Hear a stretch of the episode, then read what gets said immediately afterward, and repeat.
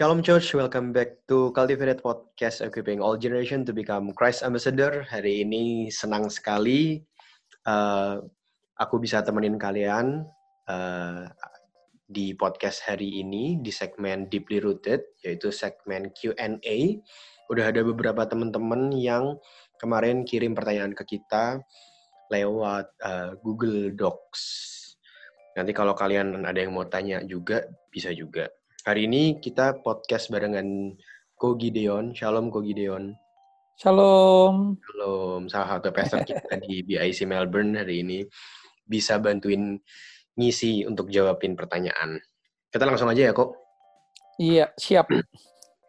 Ko Gideon, kemarin hmm. ada yang nanya nih, nggak tahu nih dari jemaat atau bukan nih. Tapi anyway, kemarin ada yang nanya kayak gini kok. Halo tim Cultivated Podcast. Saya sangat senang mendengar podcast kalian. Amin. Terima kasih.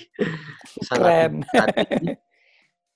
tapi ada saya tapi ada pertanyaan yang saya ingin tahu dari sudut pandang umat Kristiani. Apakah di dalam Kristen tuh percaya yin and yang? Yin and yang itu kayak sisi gelap dan putih. Eh, ya hitam dan putih. Jahat gitu. dan baik. Jahat dan hmm. baik gitu ya kok. Ya.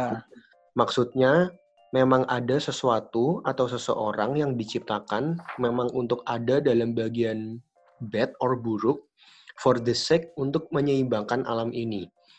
Karena logikanya dan kenyataannya kan tidak semua orang tuh baik atau tidak semua orang tuh kaya atau tidak semua orang tuh sempurna dan justru malah aneh kalau semua orang baik atau semua orang yang kaya kaya di dunia ini kan seperti rasanya tidak seimbang. Bagaimana pandangan umat Kristiani menyikapi ini? Eh, I think unik juga kok pertanyaannya. Gimana? Iya, justru ini ini menarik karena saya percaya yang kita bicara tentang yin and yang.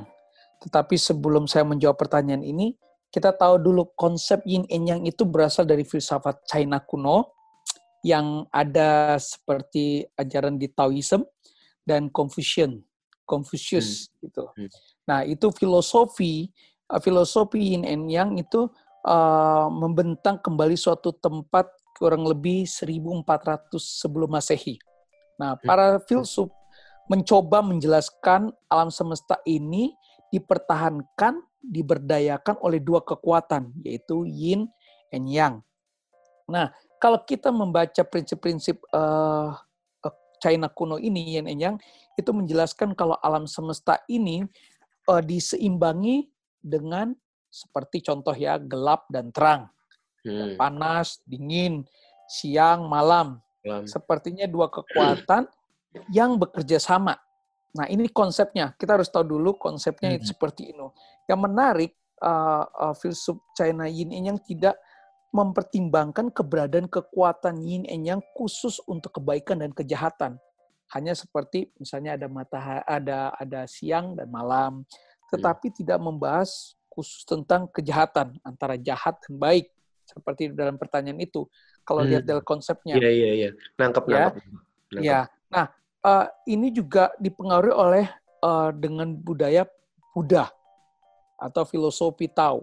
Nah, hmm. karena saya juga bukan uh, backgroundnya bukan orang Kristen, jadi saya makanya saya menjawab pertanyaan ini saya tahu gitu konsep dalam pemikiran uh, orang-orang yang bukan Kristen khususnya dari Buddha, Taoism, Confucius. Nah hmm. itu mereka bilang, uh, oh iya yang penting aku nggak jahat, uh, ada yang kaya, ada yang miskin, kan supaya mengimbangi. Nah hmm. konsep itu tidak bisa kita masukkan ke dalam kekristenan. Karena contoh, hmm. contohnya memahami ini yang adalah kepercayaan uh, Tiongkok kuno yaitu yin and yang saling bertentangan yang tidak dapat dipisahkan satu dengan yang lainnya. Berarti mereka tidak melawan kekuatan yang berjuang untuk mendominasi. Contohnya gampang. Kalau misalnya ada api dan air, nah mereka tidak saling mendominasi, mereka mengimbangi. Hmm. Nah, ini konsep timur ini dilambangkan berbentuk simbol. Simbolnya putih, hit, uh, hitam, eh putih hitam, tengah-tengahnya dot kecil. Nah, itu hmm. lambangnya ada di situ. Nah, yin, uh, yin and yang ada berlawanan secara relasional yang berada dalam ujung berlawanan sebuah siklus. Jadi mereka tuh seperti uh, magnet U dan uh, utara dan selatan. Makan. Kalau magnet ya nah, nggak bisa ketemu dua-dua kayak gitu. Nah, ini tidak bisa dimasukkan dalam konsep kekristenan. Kenapa? Contoh yang gampang sekali. Kenapa yin and yang itu error? Saya bilang ngomong seperti itu karena apa? Karena yin and yang itu bilang kalau ada panas pasti ada dingin. Coba Hmm. bayangkan nggak? eh, Confucius itu tidak pernah tahu kalau di kutub itu nggak pernah panas. Hmm. Di kutub itu selalu dingin. Hmm. Berarti Ya, apakah eh, eh, konsep ini nggak bisa masuk? Karena waktu masa 1400 sebelum Masehi itu kan nggak mikirin ada orang tinggal di kutub. Belum pernah ke sana ya gue ya. Belum pernah ke sana. Jadi jadi ini nggak bisa masuk. Itu pertama. Kalau kita mau lihat banyak sekali eh, hal-hal yang yang kita bisa eh, eh, singkirkan atau eh, ini tidak menjadi alasan dasar untuk menjadi kita orang percaya. Karena yang pertama, coba pertama kita melihat bahwa penciptaan itu Allah menciptakan langit dan bumi sempurna. Betul? Jadi waktu kesempurnaan itu terjadi, itulah Allah kita. Nah, waktu dibilang tadi pertanyaannya, kan ada nggak semua manusia baik, nggak semua manusia jahat. Betul. Hmm. Tetapi kita tahu dalam konsep kekristenan, semuanya awalnya baik. Kisah para eh, kejadian satu ditulis semua yang diciptakan, oh, this is good, semua baik, semua baik dan sangat Hmm. baik. Nah, Tuhan menciptakan segala sesuatunya baik pada awalnya. Kita tahu manusia juga Adam dan Hawa. Ditulis dalam firman Tuhan, mereka telanjang, tetapi mereka tidak malu. Karena apa? Ada sesuatu menyelimuti. Artinya mereka baik Hmm. Ya. sampai kejadian tiga. Nah, dosa ini yang membuat mereka itu merasa bersalah, guilty. Itu Malu. mulai timbul. Hmm. Jadi konsep ini kalau kita digalakan firman Tuhan, kalau yin and yang itu berarti dosa, eh, kebaikan dan kejahatan harus balance. Nah ini tidak bisa masuk dalam konsep kekristenan. Kenapa? Karena firman Tuhan katakan, kalahkanlah kejahatan dengan kebaikan. Yep. Tetapi kalau kita melihat dari konsep yin and yang, itu harus balance. Di dalam Hmm. diri kita, kejahatan dan kebaikan harus balance. Hmm. Supaya apa? Mengimbangi. Nah itu tidak baik dan tidak benar. Hmm. Karena firman Tuhan katakan, eh, ya di atas ya, tidak di atas tidak. Semuanya harus sesuai dasarnya firman Tuhan. Ya, ya, Itu ya. yang pertama. Jadi kalau konsep eh, yin and yang katakan bisa gak masukkan dalam konsep kekristenan? Tidak bisa. Hmm. Karena apa? Karena mereka itu filsuf-filsuf pemikiran-pemikiran orang yang dianggap cendikiawan, pintar. Ya kok ya. Ya, berarti kan tapi belum tentu benar. Ber, Yang kita pegang adalah firman Tuhan. Karena konsep itu tidak sesuai. Ya, Hmm. contohnya tadi kan kita eh, dikatakan di kutub nggak mereka nggak pernah ke kutub walaupun ada matahari tapi mereka nggak rasakan panas. Kenapa? Selalu pakainya bajunya dingin semua. Jadi konsep-konsep ini kita nggak bisa katakan bisa masuk dalam kekristenan. Kalau misalnya bicara tentang dosa, kan itu jahat. Hmm. Nah, tetapi kita lihat dari Roma 7. Paulus bilang gini, apa yang dalam pikiranku yang baik, yang ingin aku lakukan. Tetapi yang keluar justru tidak baik. Artinya ke manusia itu tidak bisa megang kontrol. Karena Hmm. will-nya itu sudah terimpact, eh, terpolusi dengan dosa. Semuanya yang dilakukan adalah kejahatan.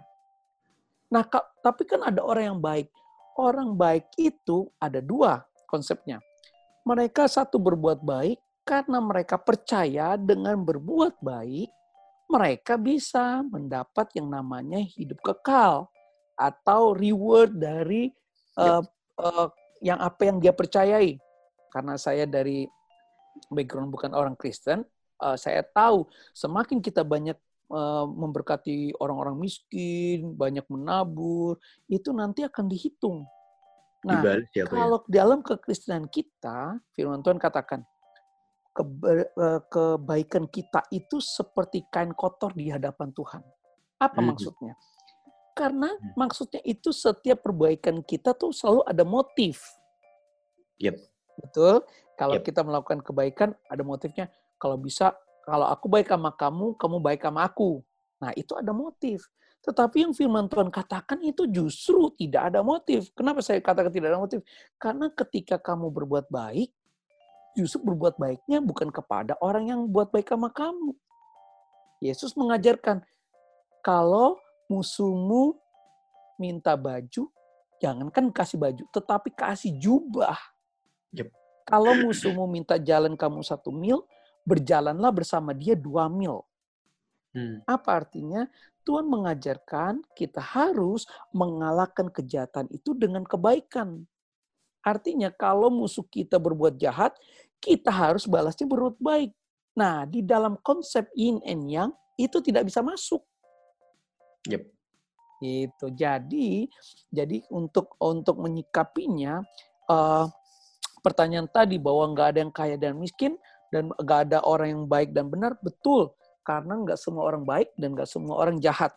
Nah, tergantung dari mana kita bisa melihat apakah dia jahat atau tidak.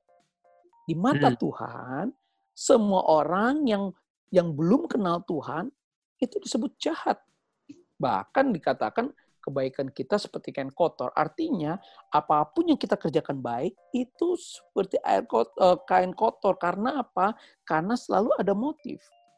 Sejak manusia jatuh dalam dosa, itu yang membuat manusia berusaha untuk mencapai Tuhan. Apa pun dilakukan untuk mencapai Tuhan. Nah, inilah bedanya kita orang-orang Kristen dengan yang lain. Yang lain ber- berusaha mencapai Allahnya, tetapi kita justru Allah mencapai kita terlebih dahulu. Nah, ini yang membuat signifikan perbedaan antara yang lain. Kalau mereka kita dulu saya mencari pergi ke Gunung Kawi, pergi ke sana ke sini, eh, ke tempat-tempat penyembah berhala supaya apa? Supaya minta selamat. Supaya minta berkat. Tetapi ketika saya menjadi orang Kristen, saya kenal Tuhan dan saya belajar firman Tuhan, justru apa yang dilakukan Allah itu kebalikan dari yang lain. Justru Allah datang ke bumi mencari kita yang terhilang dan memberkati kita dengan keselamatan. Karena itu Filipi 2 ayat 89 eh, keselamatan itu bukan hasil usaha tetapi kasih karunia. Ben. Hmm. Nah, itu yang harus kita pegang. Berarti apa pun yang kita lakukan kalau kita berbuat baik itu bukan karena kita eh, untuk mendapatkan sesuatu, justru karena Tuhan ajarkan Yep. kalau kita sudah diselamatkan harus menjadi terang. Menjadi terang dalam arti kata selalu membuat orang bisa mengenal Kristus melalui hidup kita, baik perkataan, perbuatan, pemikiran, apa pun yang kita lakukan, pastikan itu menyenangkan hati Tuhan. Yep. Jadi itu Uh, eh, kalau saya bisa sedikit you uh, menjawab bahwa yin and yang itu uh, itu kalau kita masukin filsuf-filsuf dalam kekristenan ini agak bahaya. Kenapa saya bilang bahaya? Karena itu konsep-konsep manusia yang sepertinya mirip benar, tetapi itu enggak. Hmm. ya. Kenapa? Karena beda-beda tipis. Kan, Yep. kan supaya mengimbangi. No, kita tidak bisa hidup satu dosa, satu kebenaran. Hmm. Ya, nggak bisa hidup kaki kanan dosa, kaki kiri kebenaran nggak bisa. Tuhan bilang kalau kamu pilih aku ya pilih aku, kalau pilih Yep. dunia pilih dunia. Yep. Ketika firman Tuhan ditengah-tengah ya. katakan lebih betul, eh, firman Tuhan lebih lebih ekstrim seperti ini. Kalau engkau bersahabat dengan dunia, berarti kamu menjadikan dirimu Yep. musuh Allah. Yep. Pernah dengar firmannya ya? Yep. Itu ada. Hmm. Nah, Hmm. itu itu yang dikatakan oleh firman. Jadi artinya ketika kita eh, masukkan konsep-konsep filsuf-filsuf dari eh, dari orang-orang cendikiawan masuk dalam pemikiran konsep pemikiran kita itu tidak bisa ketemu. Dasarnya tidak tidak sama ya. Contohnya gini. Kalau kita mengukur satu bangunan, kita harus punya dasar ukuran yang sama, betul? Nah, dasar ukuran sama ini yang kita harus tahu dasarnya apa.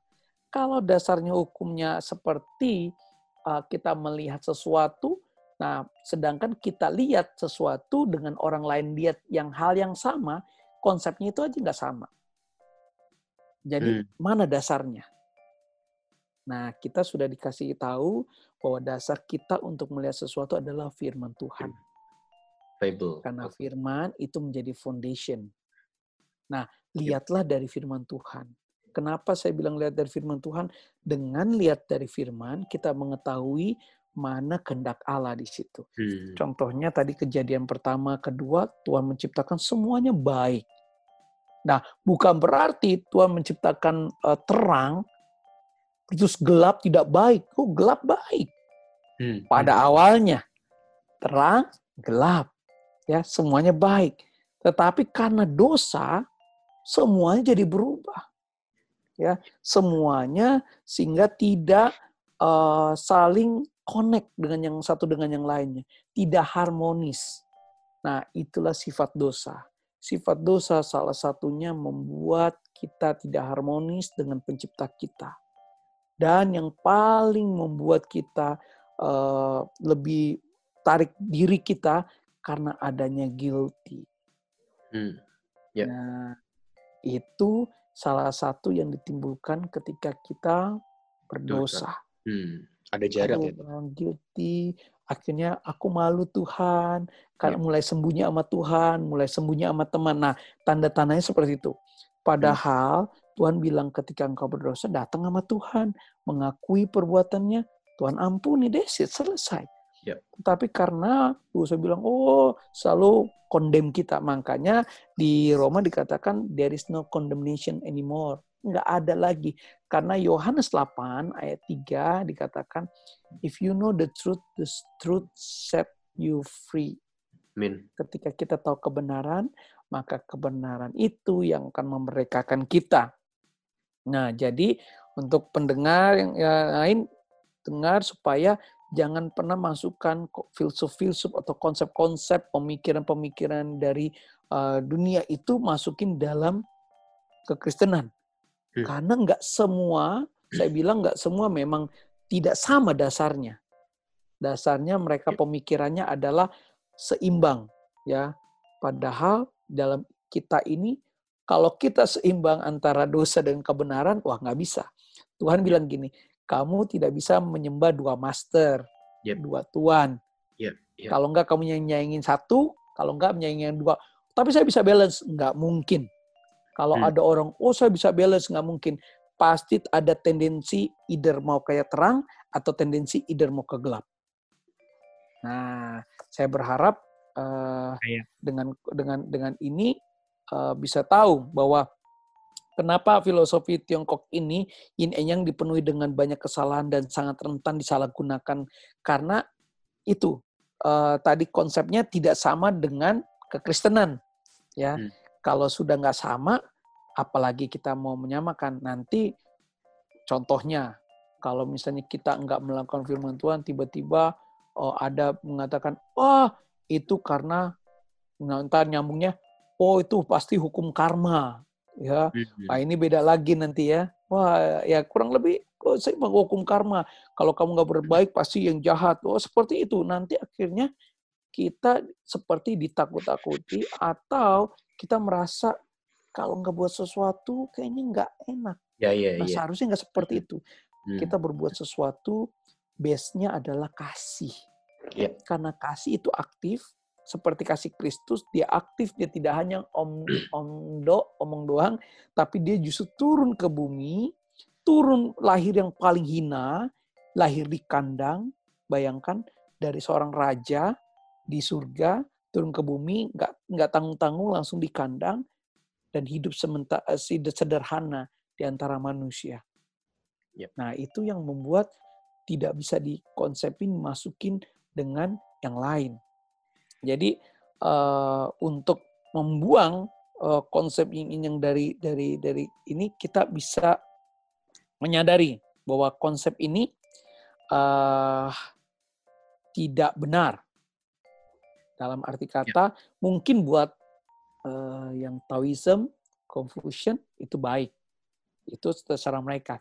Uh, saya hanya menekankan tidak mau um, menyerang atau mengatakan oh, mereka salah, tetapi menurut firman Tuhan itu tidak benar. Saya hmm. benar katakan itu. Nah, karena kacamata dasarnya adalah firman Tuhan.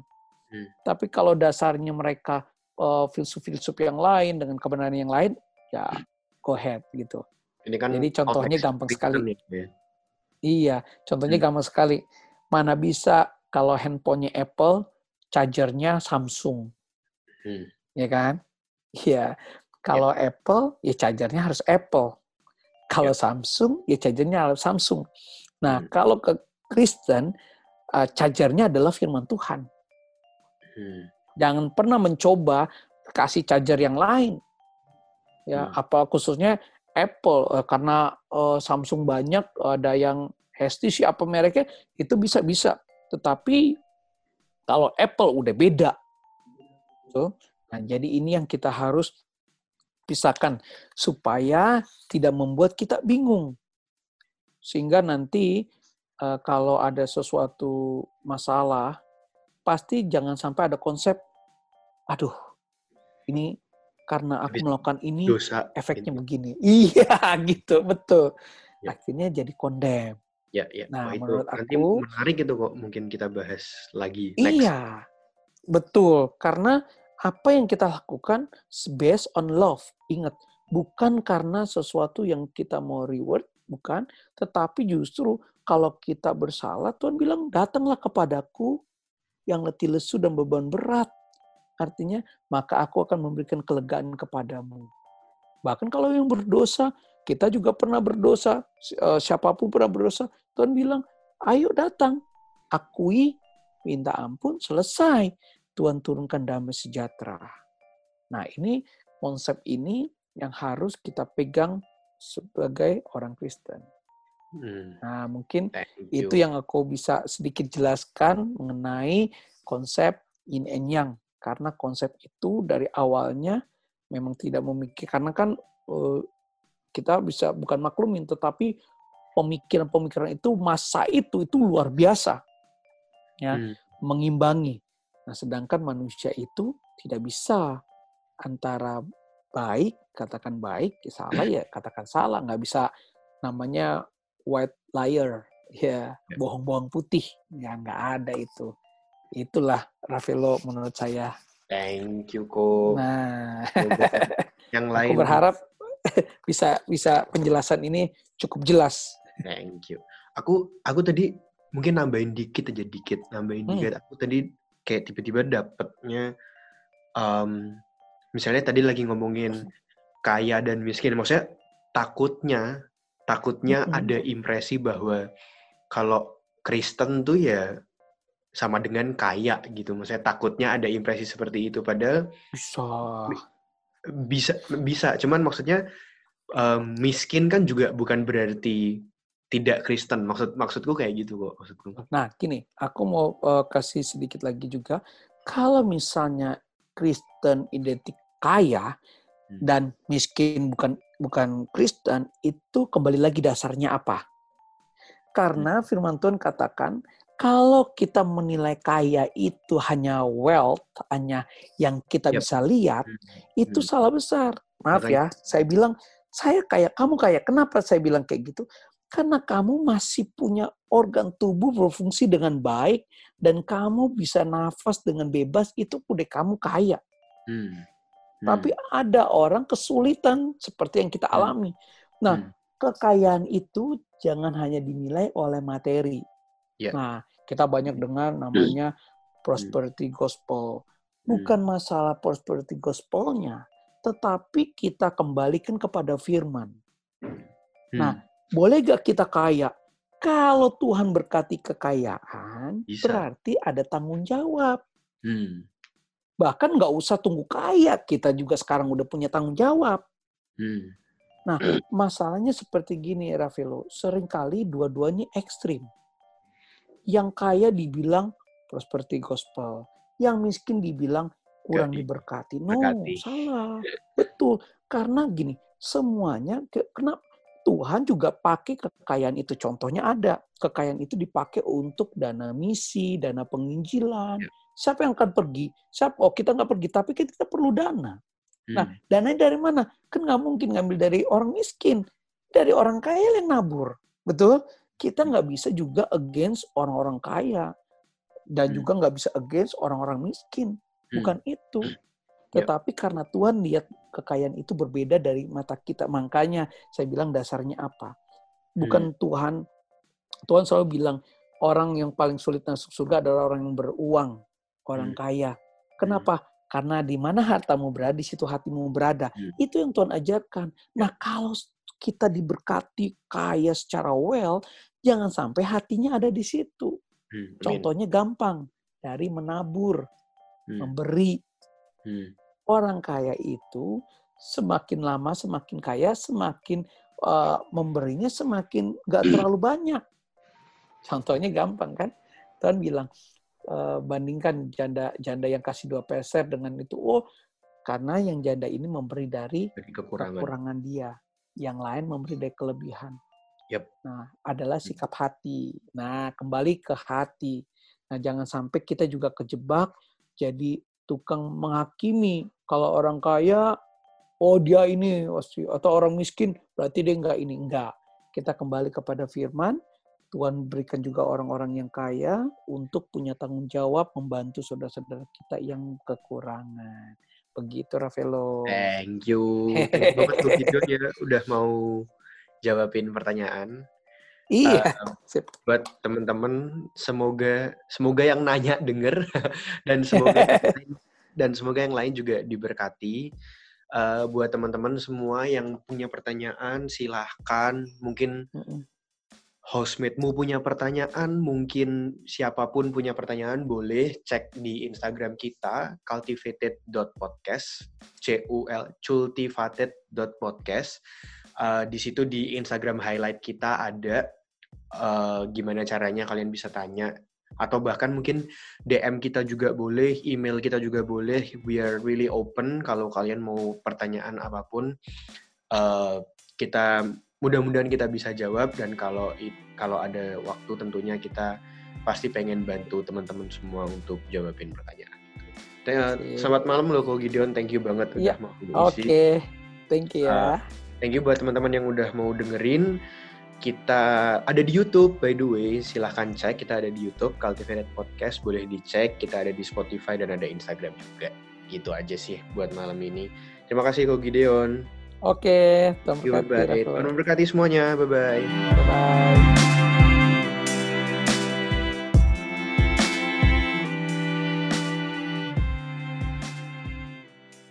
Terima kasih sudah mendengarkan podcast kami. Share podcast ini kalau menurut kalian memberkati.